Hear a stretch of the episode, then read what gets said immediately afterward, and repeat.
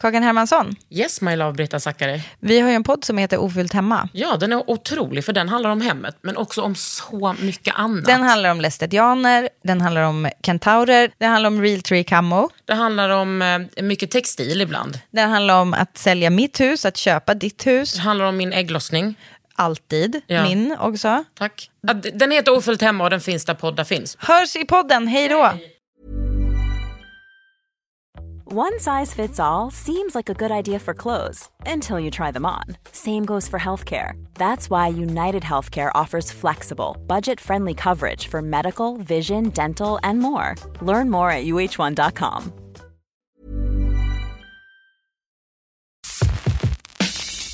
Välkomna till Under huden, Leolina och Edward från Transammans. Tack. Under huden med Kakan Hermansson. Vad är Transammans?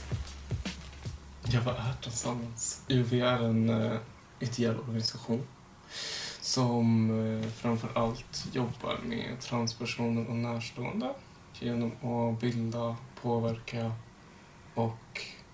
Vad är den sista sloganen? Eh, sociala mötesplatser. Jag vet inte vad den sista sloganen är. Vi håller fortfarande på att forma väldigt mycket tänker jag. För Transammans är ganska nya. Transammans blev liksom ett nationellt förbund 2015. Jaha. Eh, och det här med att vi har anställd personal är ganska nytt. Så att mycket är under eh, men utformning. Så här, hur, hur, hur pratar vi om oss och hur är vi? Men det centrala är att ja, men transpersoners rättigheter, närståendes behov, eh, skapa mötesplatser. Vad, ehm, kom, liksom, är det sprunget ur någon slags eh, desperation över transpersoners eh, liv? Nej, alltså jag tänker att det kommer från ett projekt som RFSL Ungdom Västerås och RFSU Västerås hade 2013.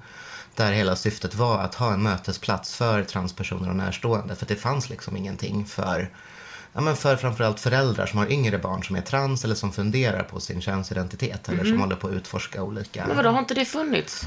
inte för så unga barn. Eh, utan det här är ju barn som är liksom låg mellanstadieålder. Så det började där. Och sen har ju det växt till att nå fler åldrar än så. Men det började för framförallt yngre barn och eh, föräldrar till yngre barn. För jag kommer ihåg, jag har haft kompisar som, haft, och som har fått, men som har kunnat erbjuda sina föräldrar ett, sådana samtal på RFSL, alltså för typ 20 år sedan. Men det stämmer. Alltså RFSL eh, Stockholm till exempel och också rådgivningen Skåne har ju haft, eller rådgivningen finns kvar, RFSL Stockholm har inte kvar sina kuratorer. Men där har det varit mycket närstående som kommer på samtal.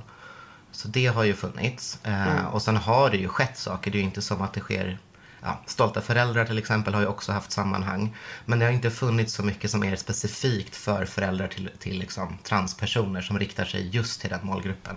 Utan det har ofta varit ja, men, föräldrar till hbtq-barn.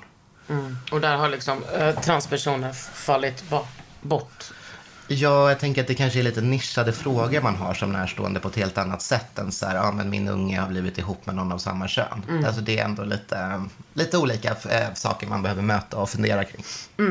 Har ni själv typ erfarenhet av att eh, tillhandahålla sådana grupper till era föräldrar? I sådana grupper, men det är klart att varje transperson som kommer, upp i relativt, kommer ut i relativt ung ålder måste ju ha ett samtal med sina föräldrar eh, som kan vara ganska jobbigt. Eh, och det beror ju helt på vilka föräldrar man har, men det är oftast eh, konversationer som liksom kan slå åt båda hållen.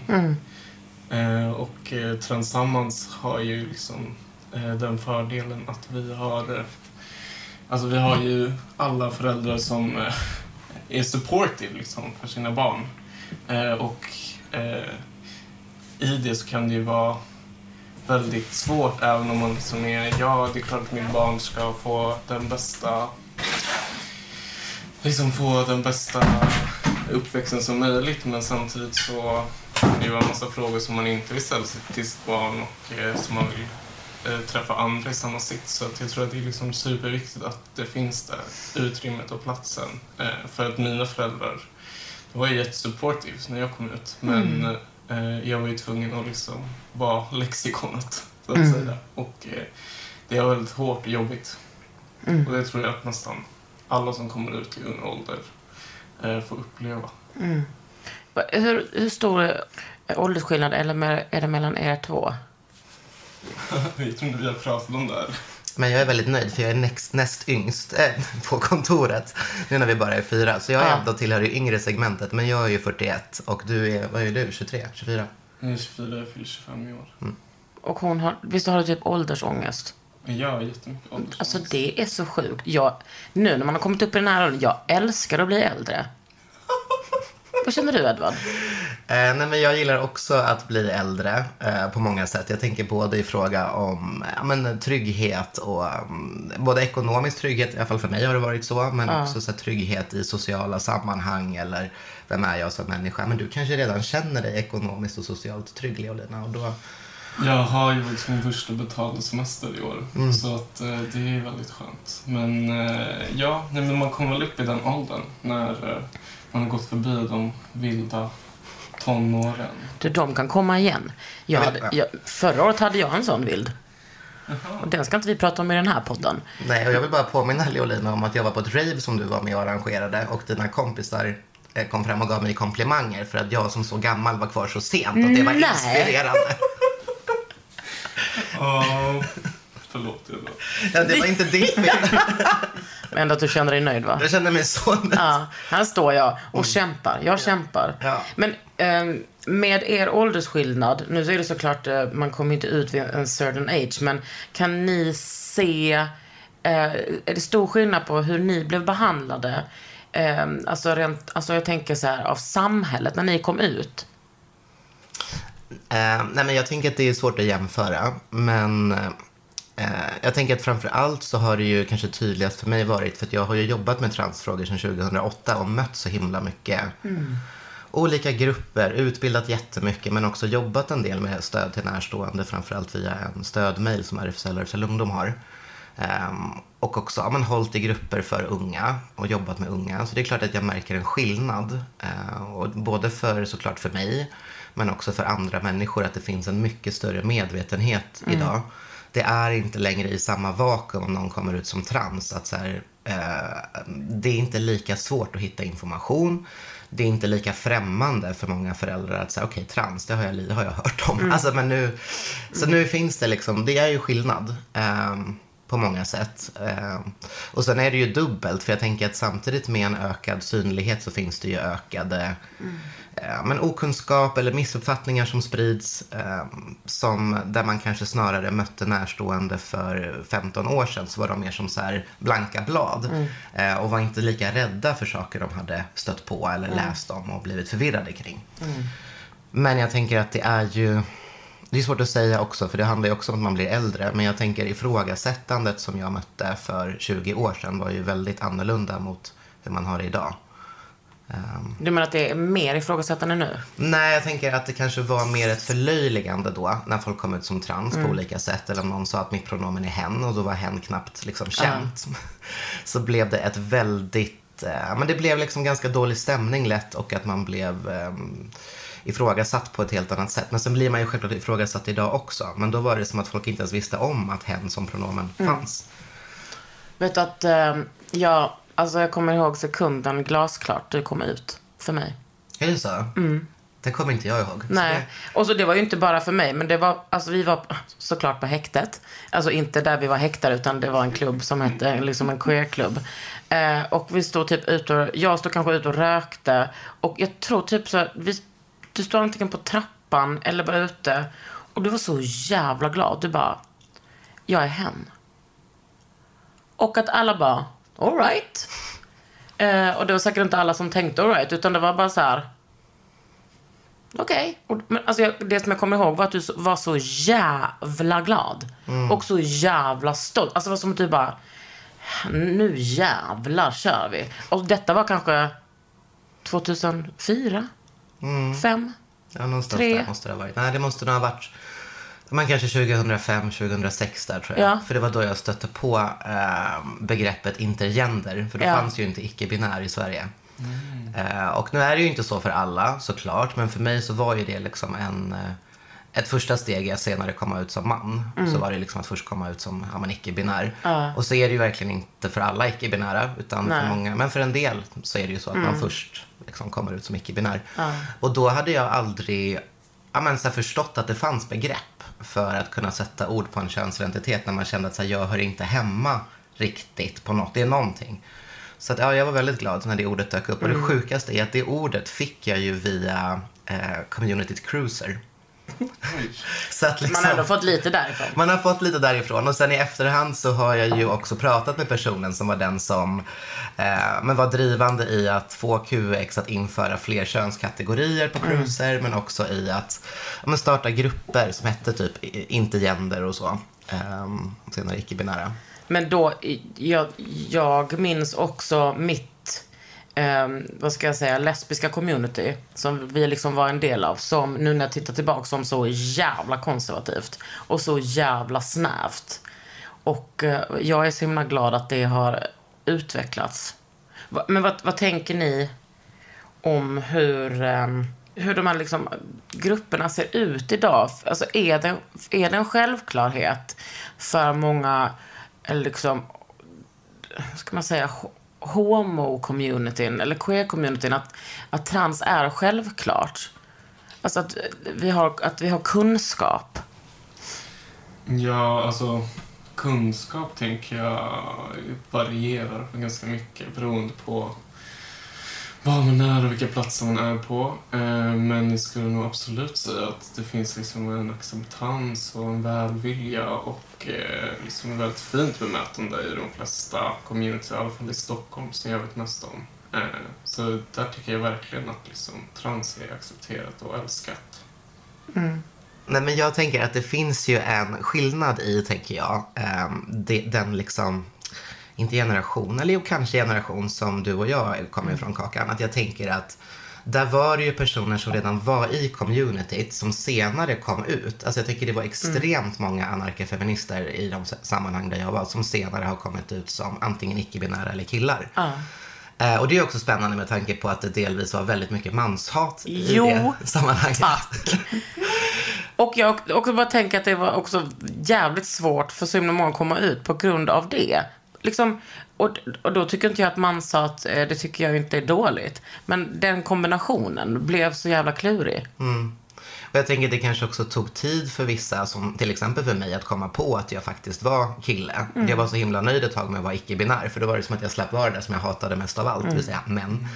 Eh, Så det tog ett litet tag, tänker jag. Det kanske gått snabbare. Men jag tänker ändå att då var det ju folk som redan var i ett community, i en rörelse. Det var folk man kände som liksom sen kom ut som killar eller som icke-binära. Och då blev det en helt annan inkludering. Även om det såklart förekom transfobi fobi eller hån på olika sätt så var det ändå liksom folk man kände. Och då blev det lättare. Och ibland tänker jag att även om jag tänker att det finns många inkluderande sammanhang som till exempel lesbisk makt som har en så här, ja, men, rimlig ingång i vilka man inkluderar i sin verksamhet. Eh, så tänker jag att eftersom att fler verkar komma ut vid yngre åldrar idag på något sätt. In, inte alla, absolut inte. Jag tänker nu under corona så har det varit någon sorts här peak i 40-plussare som kommer ut som trans. Vilket Är det sant? Det är sant. Är, alltså, är det någonting som ni ser... ehm, det är något som, som, det är min lilla spaning som jag har gjort. Och du, som den spaningen har- är välkommen in i den här podden. Ja. Eh, och som flera andra också har, har jag noterat när jag har liksom sökt vidare. Så det är fler som har noterat Är det att man sitter hemma på sin kammare och har för mycket tid att tänka? Ja, dels det, tänker jag. Att jag tänker under den här liksom, corona jävla pandemiskiten så har man ju upptäckt saker som att jag upptäckt att mitt ena öra är lite mer utstående än det andra. För man har liksom bara suttit hemma och glott på sig själv. Men jag tror framför allt att folk har kanske ja, men testat, utforskat olika könsuttryck, testat saker och liksom levt hemma och kunnat så här, inse att så här, men det här är jag. Eh, för det Fan är vad också- intressant alltså. Ja, och det är ju flera offentliga personer som har kommit ut nu och så här, under pandemin slog det här mig. Så det verkar vara många. Och det märkte jag också när jag jobbade på RFSL med transformering, att det var många 40-plussare som började mejla så här, hej, jag har kommit på under pandemin att jag faktiskt är egentligen kvinna eller jag är egentligen man. Så att eh, nu sker det liksom en 40 plus boom kring trans. Eh, och det här är ju kanske, eh, det är ett sidospår, men jag tänker det blir en, liksom en ny målgrupp också för en del har ju liksom barn. Så vi liksom, det blir en ny målgrupp att nå, barn till föräldrar som kommer ut som trans. Så att barnen redan är men lite äldre. Tror du, eller tror ni att, eh, att 40-plussare har lättare att komma ut och har det lättare i sjukvården än unga människor? Att man liksom, eh, att man applicerar en, en en mer övertygelse hos dem än hos unga som man kanske bara säger det, förvirrade. Att man är vuxen så vet man vad man vill. Nej, men det tror jag. Jag ser vi om sjukvården eh, diskriminerar på det sättet. Riktigt. Ehm, men eh, jag tänker att rent liksom socialt och ekonomiskt så har man det ju mycket bättre ställt som 80-åring och eh, det kan kännas tryggare att komma ut på många sätt och vis, kan jag tänka mig. Men eh, jag vet inte, jag vet inte om, det, om jag skulle tänka det så att det var en, liksom enklare att komma ut som äldre. Eller vad tror du? Nej, alltså jag, tänker, jag tror inte att själva den könsbekräftande vården gör liksom en skillnad på åldrar. Men jag tänker att andra som kanske då måste skriva en remiss, att där kan det vara svårare som, Precis. som ung person att bli tagen på allvar. Men som man kommer och är liksom 48 och bara under pandemin, så det här som jag har tryckt undan hela livet, nu är det dags. Där tänker jag absolut att vården är mycket mer så här, off you go, Ja. eh, var dig själv, flyg bara flyg, ha det gött. Men är man liksom eh, 13 år och bara, Precis. jag tror egentligen att jag är kille. Ja. Ehm, och så kommer liksom den här psykologen känna att nej men du vänta nu ska vi utreda för lite autism först och så får vi se vad som händer. Så det tror jag. Säger de det? Är det, det vanligt? Är det vanligt? Ehm, alltså det är ju väldigt olika, men det är absolut personer som fastnar i vården och tvingas göra andra utredningar innan de ska. De ska ju bara remittera vidare och sen ska ju själva könsdysforimottagningen själva avgöra, behöver vi utreda för fler saker och så ska de se till att det händer. Men det är ju många som fastnar i vården, eller ja, fastnar kvar och inte kommer vidare. Eh, inte lika mycket som för några år sedan, för folk har blivit bättre, men det händer fortfarande. Lägger ni ert hopp i att transpersoner själva eh, utbildar sig till läkare och eh, finns på de här mottagningarna? Hopp vet jag inte, men jag tänker det är ju positivt både om, om transpersoner av olika slag finns lite överallt i samhället. Men också tänker jag närstående eller allierade eller personer som bara har koll är ju, det är ju toppen, tänker jag. Det gör, ju, det gör ju skillnad för bemötandet och kunskapen och att någon annan säger ifrån också om andra kollegor uttrycker konstiga grejer eller har någon fuffens för sig att så här, inte vilja släppa folk vidare i vården. Men jag undrar om man jobbar på en sådan mottagning eller en sån... Eh, en mottagning heter det väl? Tänker du könsdysfori-mottagning? Ja. Ja. precis. Eh, borde man inte ha det som, som ett stort liksom, hjärteämne, att hjälpa transpersoner? Eller tror ni att människor också är där av andra anledningar, alltså motsatta anledningar? Alltså nu säger jag detta för att jag är misstänksam mot exakt allting. Um, ja, jag är nog inte så som konspiratorisk att jag tänker att liksom anti-gender-personer söker sig till, liksom könsbekräftande vården men jag tänker att det är många som ser det som ett jobb mest. Bara. Eh, det är liksom inte... Det känns också som att liksom hela läkaryrket liksom, och allt vad det innebär är... Då ska man också ställa sig ganska liksom, eh, jag tror inte, omoral, eller som icke... Ja, men som att man eh, inte har egentligen någon eh, hållning kring det man gör för att man vill rädda liv. Liksom. Eh, så att jag tänker att många tänker att det är ett jobb.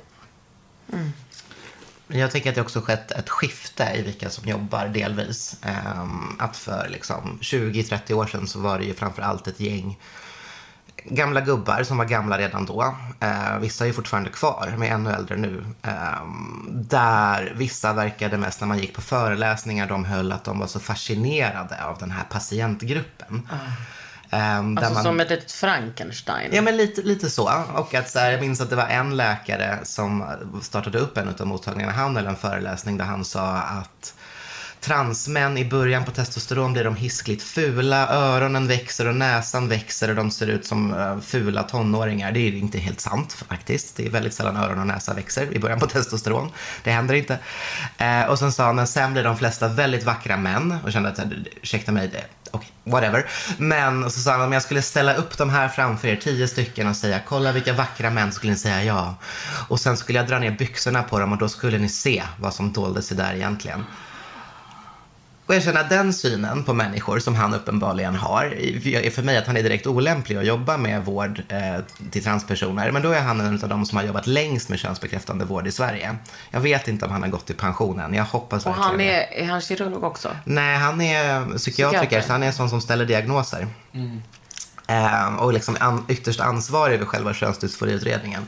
Så att han gjorde mig väldigt illa till mods. Men sen tänker jag att jag har träffat många andra helt fantastiska personer som snarare drivs av att, ja, men så att man ser att det här är en, en, en målgrupp som har behov av vård. Eh, eller där man vill också vara med, för alla får ju inte en diagnos. Utan det är ju så här utforskandet kring så här, vad har du för behov.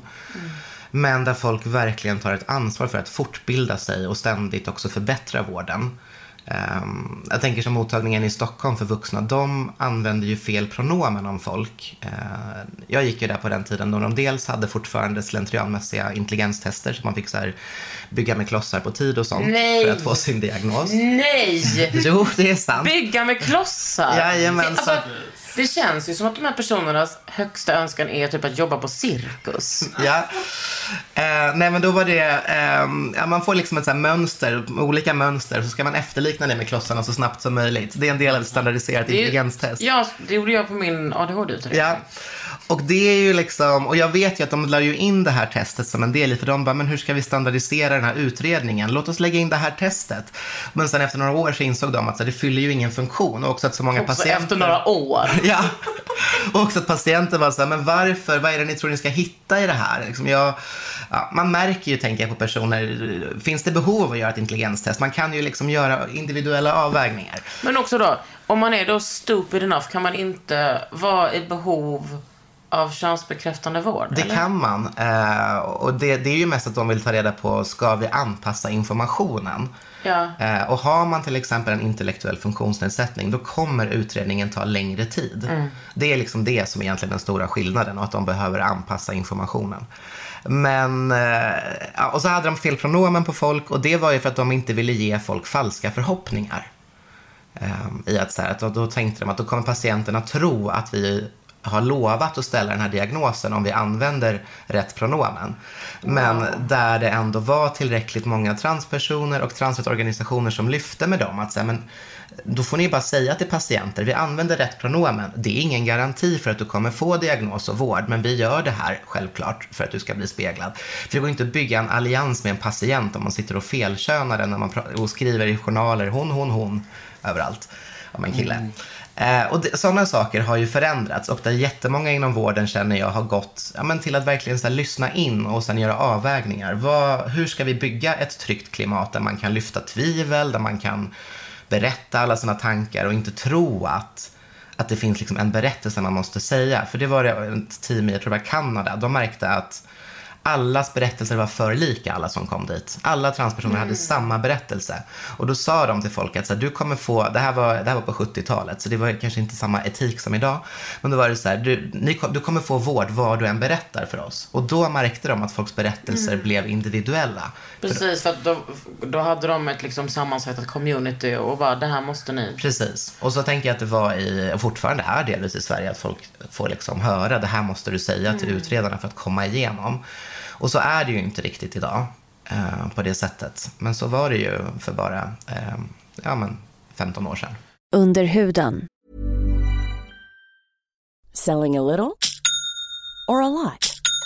Shopify helps you do your thing however you cha-ching. Shopify is the global commerce platform that helps you sell at every stage of your business. From the launch your online shop stage to the first real life store stage, all the way to the did we just hit a million orders stage. Shopify is there to help you grow. Shopify helps you turn browsers into buyers with the internet's best converting checkout. 36% better on average compared to other leading commerce platforms because businesses that grow grow with Shopify. Get a $1 per month trial period at shopify.com slash work. shopify.com slash work. Millions of people have lost weight with personalized plans from Noom, like Evan, who can't stand salads and still lost 50 pounds. Salads, generally, for most people, are the easy button, right? For me, that wasn't an option. I never really was a salad guy. That's just not who I am. But Noom worked for me. Get your personalized plan today at Noom.com. Real Noom user compensated to provide their story. In four weeks, the typical Noom user can expect to lose one to two pounds per week. Individual results may vary. Jag måste bara säga också att jag tänker att många sammanhang, för att knyta an till det, nu en helt sidospår eh, från hundra år sedan tillbaka, men att många sammanhang är absolut mycket mer, eh, tänker jag, transpersoner är mycket mer självklara Ja. i ett sammanhang än vad det var tidigare. Men snälla, alltså första, jag vet inte, om du, var du på första lesbiska festival i Göteborg? 2004 kanske?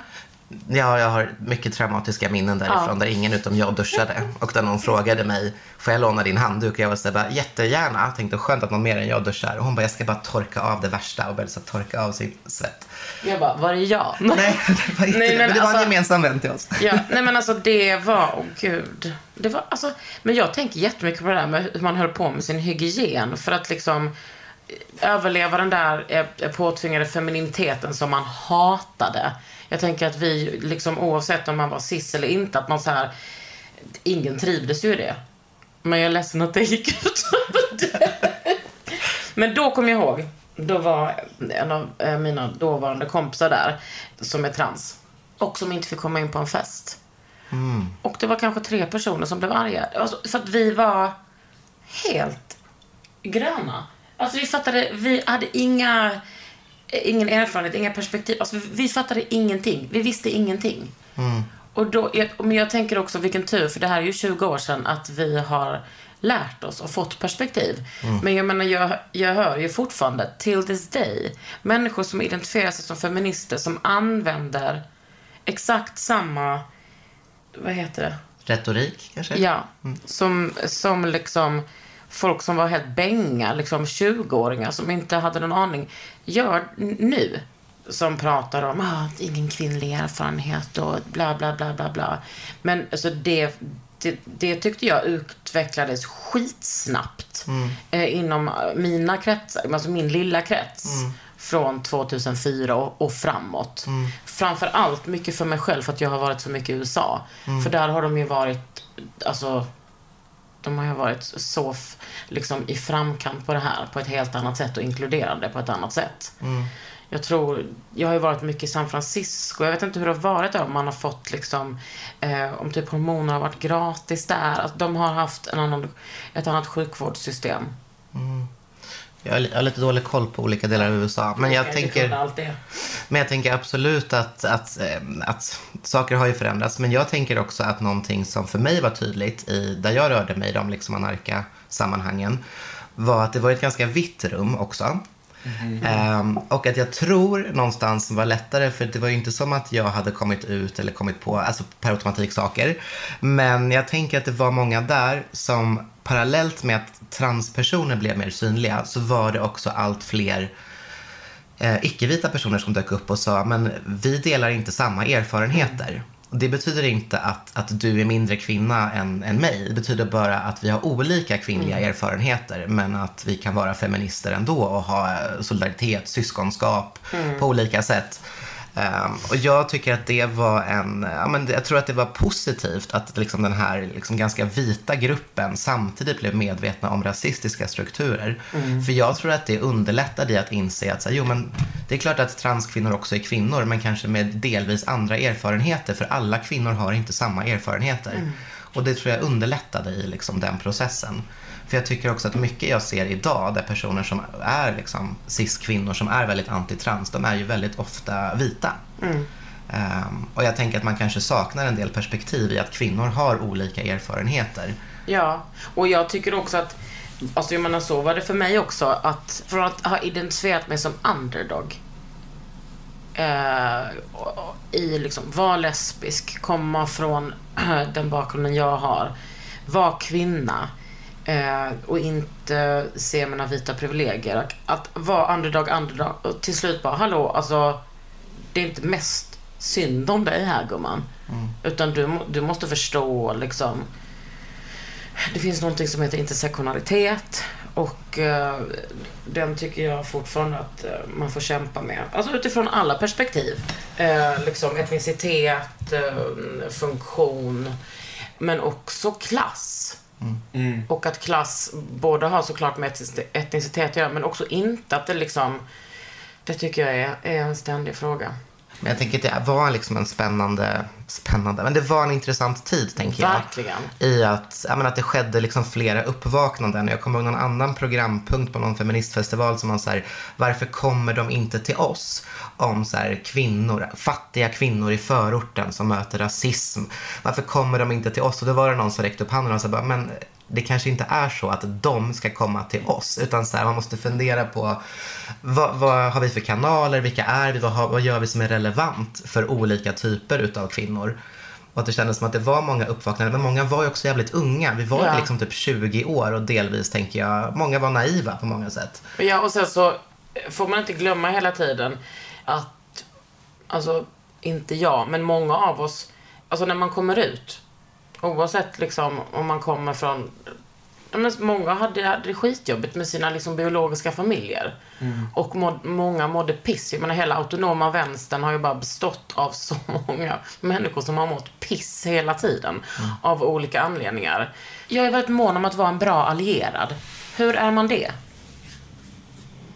Nu kan ni vara hårda. Är det en större fråga?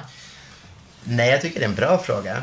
Men eh, jag tänker det finns jättemycket. Jag tycker det viktigaste är att säga ifrån. Alltså jag tänker att det är det absolut viktigaste. Och både, jag tänker när jag möter unga transpersoner så det som de flesta brukar vara mest frustrerade över är just att ingen säger ifrån. Alltså till exempel i skolan, någon säger någonting transfobt eller någon felkönar någon och att ingen reagerar. Alltså framförallt då ingen som jobbar i skolan som jag tänker har det ansvaret att stoppa kränkningar och trakasserier. Eh, Men jag tänker det här rör ju inte bara liksom skolvärlden utan det här rör ju hela samhället. Jag tänker så att säga ifrån, man behöver inte vara otrevlig, man bara säger jag håller inte med.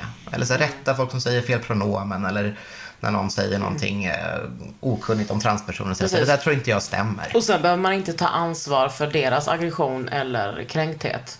Precis. Så det tänker jag är liksom det viktigaste. Eh, och sen tänker jag, sen är det ju såklart, har man ekonomiska resurser så tycker jag att det är bra att ge pengar. Eh, vare sig det är att ge gåvor till en liksom, transorganisation eller bli medlem för att medlemmar ger pengar. Jag tänker det tänker man inte alltid på men medlemskap genererar ju statliga medel. Har ni sådär att man kan, att man kan vara företagsmedlem? Jag tror jag frågade dig, Leolina. för att det, alltså för då, man, nu får man ju ge också, till exempel Rosenlundstödet har det. Man kan, man kan ge liksom, man kan ge dem pengar och det är skattefritt. Although I love taxes.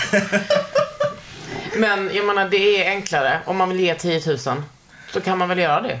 Ja men det kan man. Jag tänker att Tom som är vår verksamhetschef, han kan liksom styra upp alla kvitton och whatever man behöver. Eh, men men vi har än så länge inte att man kan bli företagsmedlem. Medlem. Nej, jag men vet fixa inte. det nu.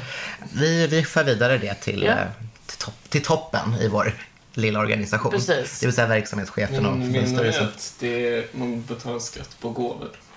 Om man bara ger en gåva, för det kan man ju göra. Ja, precis. Men jag tänker att det, är, det skulle vara enkelt att bara, här är en knapp. På, alltså om det bara på er hemsida. Så att människor förstår. För jag tänker för många, eh, för många liksom i min ålder som, har drivna, som driver egna företag så är liksom 5 000, 10 000, det kommer inte göra skillnad när vi skänker de pengarna. Alltså i våra företag. Men det gör ju jättestor skillnad för Ja, för. Transammans är det jätte, jättemycket Ja. pengar tänker jag, där vi befinner oss. Jag tänker att så här, göra ett, trans, eh, tran, ett kollo för unga transpersoner kostar typ 50 000 eh, för att liksom styra upp en vecka där liksom kidsen får mat och det finns kompetenta ledare och närstående får föreläsningar och så. Ehm, och jag menar då, 5 000 är ju en, en bra bit. Det är liksom en tiondel av det vi behöver. Så att eh, absolut, jag tänker att vi ska prata mer med, med Tom, eh, Tom. och också Ann-Kristin som är vår förbundsordförande, Ann-Kristin Rut. Det tycker jag. Jag tänker att det handlar är för någonting som, som när vi pratar om liksom rörelsen, alltså den rörelsen som vi har ingått i, att liksom att man måste fortbilda sig inom liksom sin rörelse. Och jag tänker mycket, um, jag ser också det, alltså på samma sätt som när jag pratar med mina föräldrar som är politiska människor och som uppfostrat mig och min syster politiskt. Att det liksom, men just den här grejen med trans har varit självklart för mig att prata om med dem. Eh, och att, eh, fan de har varit, eh, det har inte varit något konstigt för dem utan de har snarare varit sugna på att lära sig om det. Och jag tänker att det är, och, alltså man får inte glömma det, alla är ju liksom inte motståndare. Alltså jag påminner mig själv om detta. Att det är liksom, eh, det är så jävla bjussigt med kunskap. Och att ni inte ska behöva liksom sprida den, alltså att ni inte ska behöva ta det ansvaret hela tiden. Utan att vi andra eh, får faktiskt lägga manken till. Ja, men det tänker jag absolut att det är bra. Eh, jag tänker det som är svårt är väl att veta vad är en pålitlig källa. Liksom. Ja. Um, så att jag tänker att det, man behöver, det. överlag tycker jag att folk är lite dåliga på att vara källkritiska. Um, att man ska dela vidare en artikel och så har man inte tagit reda på vem är den här? Vad är det här för avsändare? Mm. Eller är det kanske en tio år gammal artikel? Det är helt Mm. inaktuellt och så. Men eh, jag tänker att det absolut är bra att söka kunskap eh, Mm. på olika sätt. Och där tänker jag att det finns ju kunskap mer lättillgängligt idag än för tio år sedan. Jag tänker ja, men som transformering som RFSL och RFSL Ungdom driver som är liksom en kunskapssida om trans. Mm, men jag tänker också bara att, eh, eh, jag menar jag stöter ju på, jag har ju samtal med transpersoner hela tiden. Att, det, att jag tar de samtalen och fortsätter i, i andra samtal. Eh, det är ju inte svårare än så ibland. Nej, helt klart. Okej, mer om kniven mot strupen, en allierad. Alltså ni får ställa krav. Vad är drömscenariot för, hos en alienerad? Alienerad? Allierad? Alienerad? Allierat, allierat. Ja. Ja, alltså jag tänker att det finns ju också någonting eh, om man känner att man liksom är en allierad och har fortbildat sig och har gett pengar så kan man ju också liksom eh, aktivt eh, ta debatt. Liksom. För precis det du sa, att det är jättejobbigt att transpersoner alltid ska prata för transpersoner. Så det finns ju någonting väldigt värdefullt och liksom bekräftande i att andra också liksom, eh, debatterar mot de som är kritiska. Det tänker jag är jätteviktigt. Där tycker jag liksom att Sverige är lite så, även aktivismen är lite skadad av jantelagen. Att, nej men jag ska väl inte, I'm not gonna speak up. Liksom på, om rasism eller detta. Men i, i USA, så där har de förstått tycker jag. Så, ah, nej men vi kan inte vänta. Det är självklart för mig att prata om BLM som vit eller liksom om transpersoners rättighet som cis. Eh, Jag tycker att vi måste ha lite mer av det här. Jag håller med. Eh, men sen tänker jag, här, jag tänker att är man en bra allierad så tänker jag att man både kan lyfta fram, man kan ge sin plats till transpersoner. Jag tänker har man ett Instakonto som många följer, låt någon gästposta. Eh, Men jag tänker också att det är bra att ta ställning, men då behöver man också ha koll. Jag tänker, jag läste en ganska uppmärksammad bok eh, där liksom förkortningen hbtq eh, definieras, eller hbtqi, och det var så många fel i hur det definierades. Och då tänker jag, har man en plattform eh, som till exempel vit, inflytelserik cisbög, Absolut, det är toppen att du vill lyfta andra bokstäver inom hbtqi-paraplyet. Men då måste du också ha koll så att du inte använder din position till att föra ut fel information. Som allierad så är det viktigt att föra fram rätt information helt enkelt. Att se till att du har fakta. Har du inte kunskapen, då kanske du... Jag tänker det är svårt. Många är ju rädda för att prata om saker man inte har koll på. Men jag tänker att man ska kanske fundera på sina sammanhang. Va, när kan jag lyfta det här och vad behöver jag plocka in någon annan som kanske faktagranskar innan jag för ut det här. Så att man ser till att det inte blir fel. För det, då gör man, det tänker jag, det kan göra skada. Det jag tänker det är ju inte fel att så här, ja men jag tar ställning för människors lika rättigheter. Det är ju inte det. Men sen komma med sakupplysningar och så förklara att det här betyder transperson och så har man ingen koll. Då blir det tokigt. Jag tänker det behöver inte heller vara... Det kan ju vara så lätt som att man pratar om eh, att unga transpersoner mår piss. Ja, jag tänker man kan ju dela vidare inlägg från ja, men, olika betrodda aktörer eller personer som är röster i diskussionen, som har koll. Eh, så att man får fram mer perspektiv. Jag tänker det gör ju någonting att, att, ja, men att man lyfter saker var man än befinner sig, vare sig det är sociala medier eller om man sitter i radio eller whatever. Att det finns en, en närvaro av eh, ja, men solidaritet och respekt för transpersoners rättigheter och ex- existensberättigande. Det känns som att det också borde vara en självklarhet. Det tycker man. Med feminismen. Men vad säger ni? Jag tycker att det är så oroväckande liksom att det har blivit en, kommit en backlash från vissa feminister. Alltså från feministiska grupper.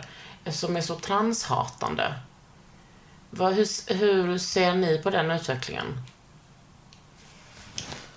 Alltså jag tycker den är helt, jag tycker den är galen. Alltså jag känner att det är, det är så konstigt att, att den gruppen jag är mest rädd för är liksom inte nazister utan det är eh, vissa radikalfeminister. För att det är de som skickar mig ja, men hot och hat i liksom sociala medier bara för att jag liksom är eh, transperson och också aktiv i transrättigheter. Hot och hat. Ja.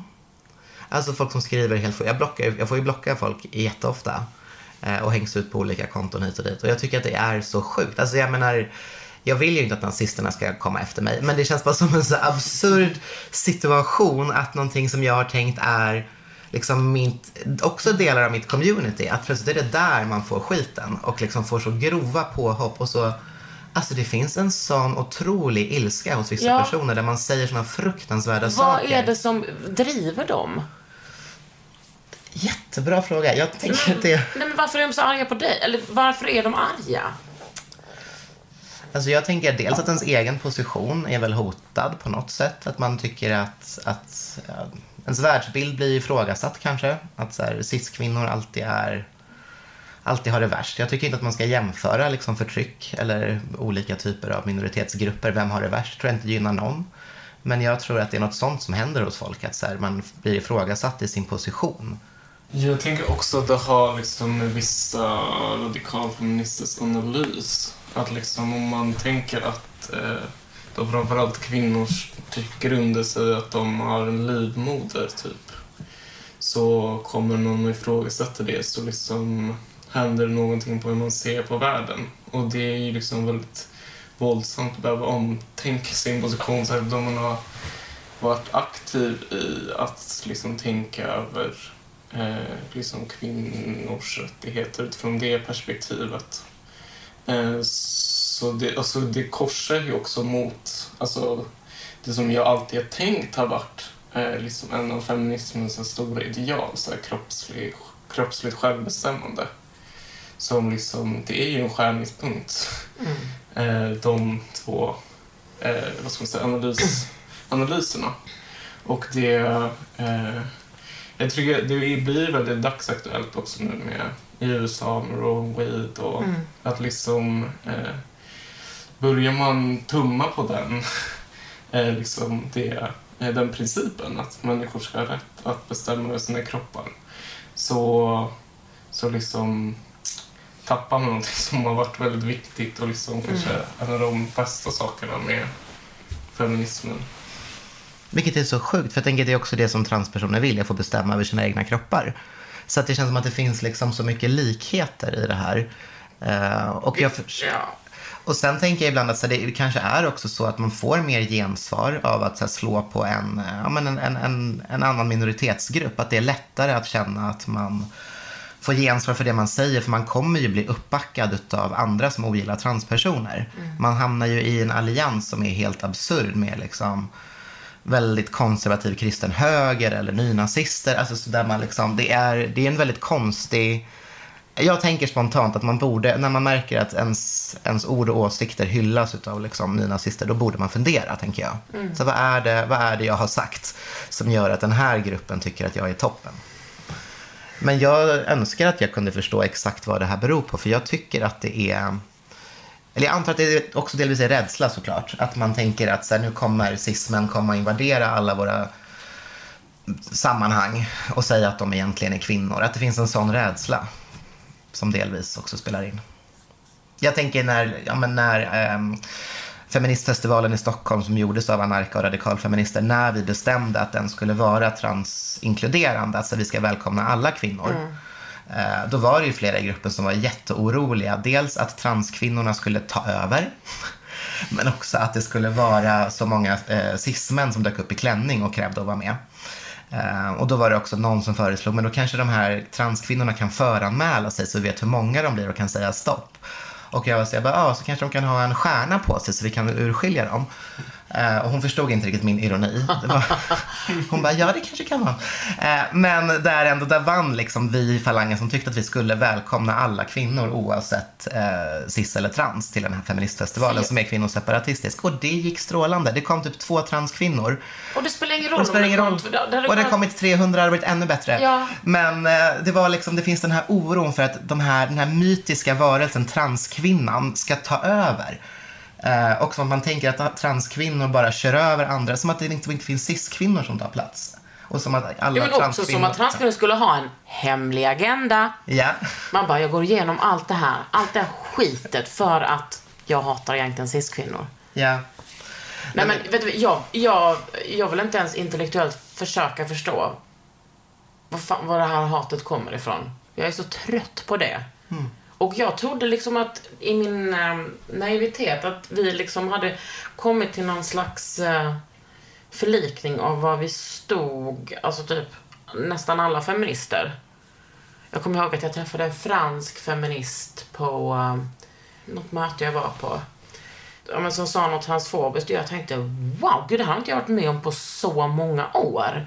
Och jag sa till henne, jag bara, eh, if, um, if my fans heard this, we will be very angry. Because nobody thinks like this in Sweden anymore. Och hon, och hon du vet, det var något vanligt, jag vill inte gå på toaletten om det är någon bla bla bla. Jag vill, kommer bli rädd då. Nej, men sen så blommade det upp och eh, jag är chockerad. Men man, vi får bara kämpa på. Ja, nej men eh, jag tänker att vi kämpar på. Jag tänker det är ju fortfarande ett minoritet som håller på på det här sättet. Ja. Jag tänker att det är synd att man drar andra radikalfeminister i smutsen med det här. Eh, Att det blir en förenkling, att man tänker att alla radikalfeminister, jag känner att det måste hamna någon så här, inte alla radikalfeminister, Precis. utan bara några få faktiskt, håller på med den här skiten. Men jag tycker det är svårt, för det är också som att det finns en faktaresistens. Att så frågor som, men hur ska det gå med fängelser? Ehm, och där jag tycker att det är jättehärligt om vi äntligen bryr oss om personer som sitter i fängelse och hur man kan skapa en trygg miljö där på olika sätt. Men det känns som att det liksom finns ingen förmåga att ta till sig fakta när, man, när jag förklarar sig. Jag har varit i kontakt med kriminalvården. Så här avgör de placering utifrån kön. Det är inte bara juridiskt kön som styr. Utan det är till exempel, har du påbörjat någon typ av behandling? Ehm, var, var befinner du dig rent kroppsligt? Det avgör placering, inte bara vad man har för juridiskt kön. Men också att man ska behöva svara på deras anklagelser eller påståenden hela tiden. Mm. Det ska ju inte ni eller vi som inte håller med om behöva hela tiden bolla. Nej, det tar ju väldigt mycket tid, tänker jag, från, Mm. som vi skulle kunna lägga på annat i att bemöta. Och framförallt mycket, tänker jag, hatstormar på sociala medier när liksom olika influencers mobiliserar sina följare till att hoppa på folk hit och dit. Alltså att det tar, det tar väldigt mycket kraft och energi som vi skulle kunna göra mycket bättre saker för och med. Man kan bli medlem i Transammans. Man kan bli medlem i Transammans. Det gick ju hur lätt som helst. Det blev jag ju på Järvaveckan. Lite billigt tyckte jag att det var. Men sen kan man också säkert bli, eh, om Tom bara kämpar på, kan man bli företagsvän. Ja, och man kan ju skänka gåvor, det kan man göra. Mm. Men vi har ju en låg medlemsavgift för att vi vill att det inte ska, man ska kunna vara medlem. Mm. eh, Så att det inte blir ett utestängande av personer. Jag tänker att det är, mm, ja, det, det, det är bra att fler kan bli Det medlemmar. tycker jag också. Men då kan man också ha en liten sån, om du vill betala mer. Ja, man tänker att man skulle kunna ha någon sån här solidaritetsmedlemskap kanske. Mm. Det får ju inte vi som tjänstepersoner bestämma, utan det är ju mer då eh, Det är jag som bestämmer Precis, det är kakan. Det blir jag. Eh, nej, men men jag- det är kongressen och så som Precis. beslutar. Och jag tänker att, vad kostade det? Typ, alltså det var löjligt lite. Jag tror att det kostar 100 att bli medlem Ja. och så finns det väl ett ännu billigare om man är ung eller arbetslös. Precis. Eller är det så? pensionär. Eller Och, och pensionär. då tänker jag att ni som lyssnar på den här podden, för ni är ändå ganska många. Tänk om ni skulle bli medlem där eftersom ni, eh, alltså om ni har råd, eh, eftersom ni liksom ändå bryr er om transpersoners rättigheter. Så då kan ni gå in på, vad är adressen? Transammans .se.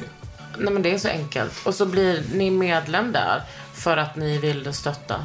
Ja, och då kommer ju de pengarna gå till att eh, på olika sätt arrangera mötesplatser för transpersoner i alla åldrar, också närstående.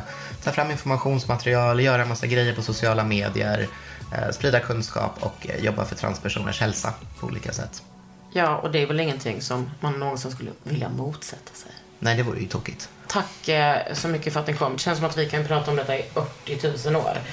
Jag heter Kakan Jag heter Leolina. Och jag heter Edvard. och ni jobbar på Transammans. Och det här är Under huden.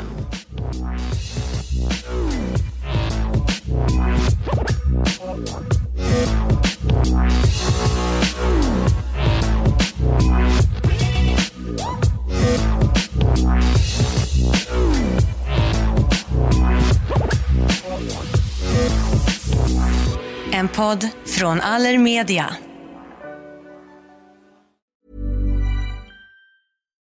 Deserves the best, and there's no better place to shop for Mother's Day than Whole Foods Market. They're your destination for unbeatable savings, from premium gifts to show-stopping flowers and irresistible desserts. Start by saving 33% with Prime on all body care and candles. Then get a 15-stem bunch of tulips for just $9.99 each with Prime. Round out Mom's menu with festive rosé, irresistible berry chantilly cake, and more special treats. Come celebrate Mother's Day at Whole Foods Market. Hi, I'm Daniel, founder of Pretty Litter. Did you know cats tend to hide symptoms of sickness and pain? I learned this the hard way after losing my cat, Gingy. So I created Pretty Litter, a health monitoring litter that helps detect early signs of illness by changing colors, saving you money and potentially your cat's life. Pretty Litter is veterinarian developed, and it's the easiest way to keep tabs on your fur baby's health right at home. Go to prettylitter.com and use code ACAST for 20% off your first order and a free cat toy. Terms and conditions apply. See site for details.